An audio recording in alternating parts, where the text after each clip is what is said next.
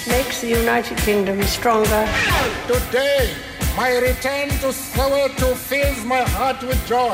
Ladies and gentlemen, welcome to London Heathrow's Terminal 5. Bon dia, Joan Carlin. Bon dia, Roger Escapa, què tal? Molt bé, i tu? Estàs refredat o, o, o et sento... Un poquito, sí, pero no sé, tengo una, una rana en la garganta, parece, pero... T'has- a poc a Perdón, poc, pero a poc... estoy, estoy bien, feliz, eh, Fel- pensando en un bonito día, qué suerte vivir en Barcelona. Ah, sí? Sí que ets optimista, Joan. Yo soy optimista, sí, yo soy siempre optimista, siempre, porque, porque bueno, es un camino mejor para transitar por la vida el optimismo que el del pesimismo, así de simple. John, Al d'aquí final, un... De... todo acaba igual. Mm, Sí, en el hoyo, en el hoyo, tot acaba en el hoyo.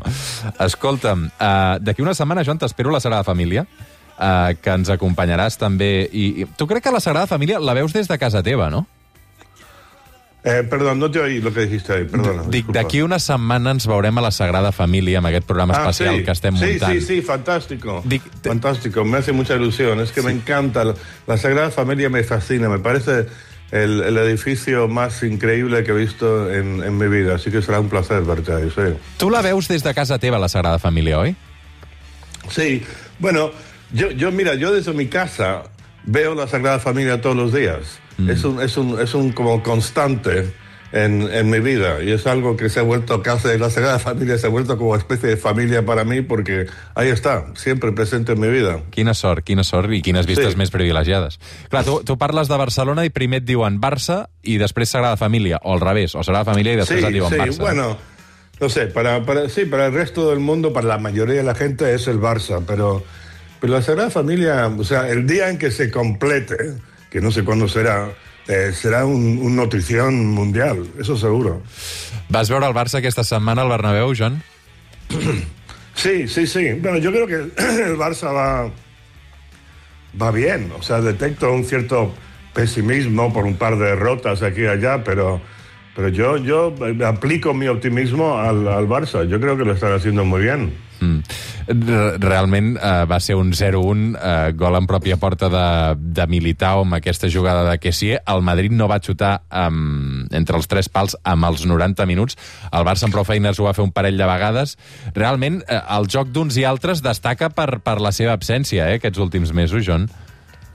Mira, fue un asedio permanente del Madrid al, al área del, del Barça, pero no la portería, como dices. Eh, y tuvo su mérito. Mira, no fue un, el Barça así eh, de, de los viejos tiempos, que esa belleza sinfónica, pero fue un Barça más estilo aparcar el autobús, en estilo Mourinho, o sea, aunque la gente odie oír esto, pero tiene su mérito, hay que, hay que adaptarse a las eh, circunstancias. Y por cierto, yo creo que hay una figura en el Barça que ha sido determinante en el cambio para bien que hemos visto esta temporada, que es em, Ronald Araujo. Lo veo un poco como el, como Car- el Carles Puyol del, del actual equipo, ¿no? Es el, el- el- el tipo que, que tiene liderazgo, que manda, personalidad fuerte, eh, entregado.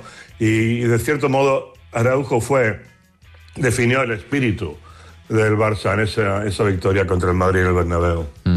Ronald Araujo i, i Frenkie de Jong, que també està molt bé últimament Sí, sí, després sí, de no, no, también ser. hay otros. Y incluso Marcos Alonso jugó muy bien, Sí, que, sí. que no siempre lo, lo- lo señalamos, pero jugó muy bien. Estàs pendent del que està passant amb tot aquest cas dels arbitratges, el cas Negreira, eh, perquè el Barça, clar, la plana esportiva més o menys la va salvant, però la plana institucional, això és una ombra de dubte que no sé com ens en sortirem d'aquí, eh?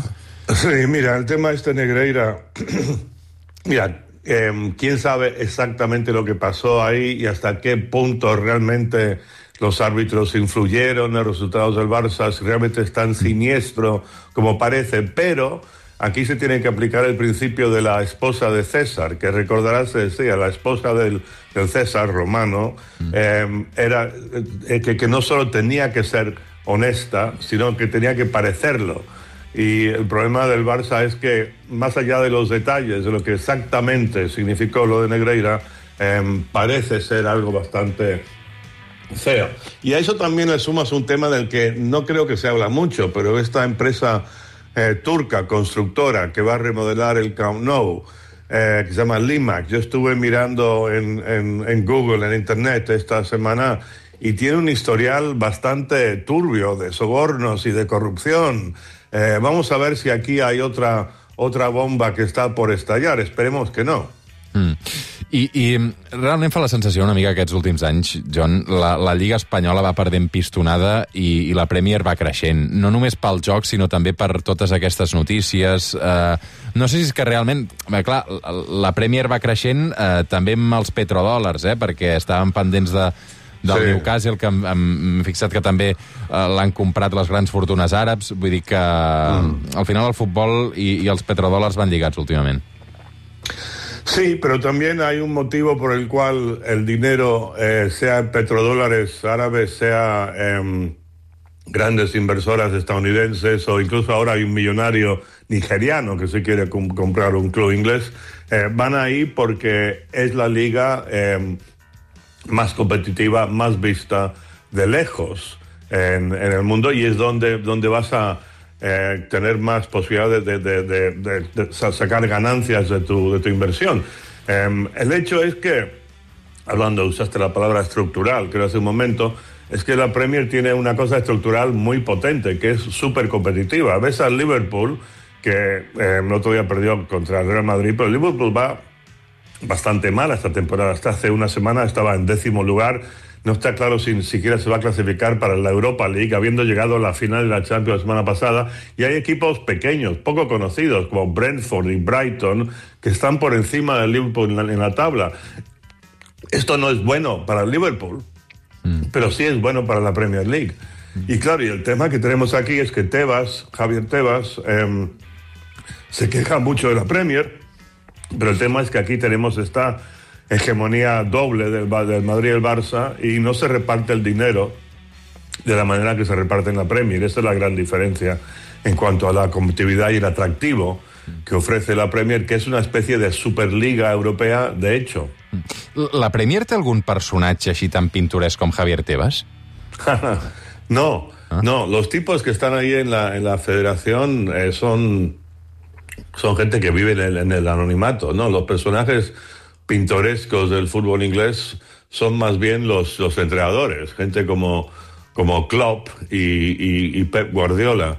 Eh, no se oye tanto. Javier Tebas sí tiene mucho, mucho protagonismo y se pasa la mitad de su vida quejándose de la Premier, pero bueno, quizá también debería pensar en poner su propia casa en, en orden. Mm.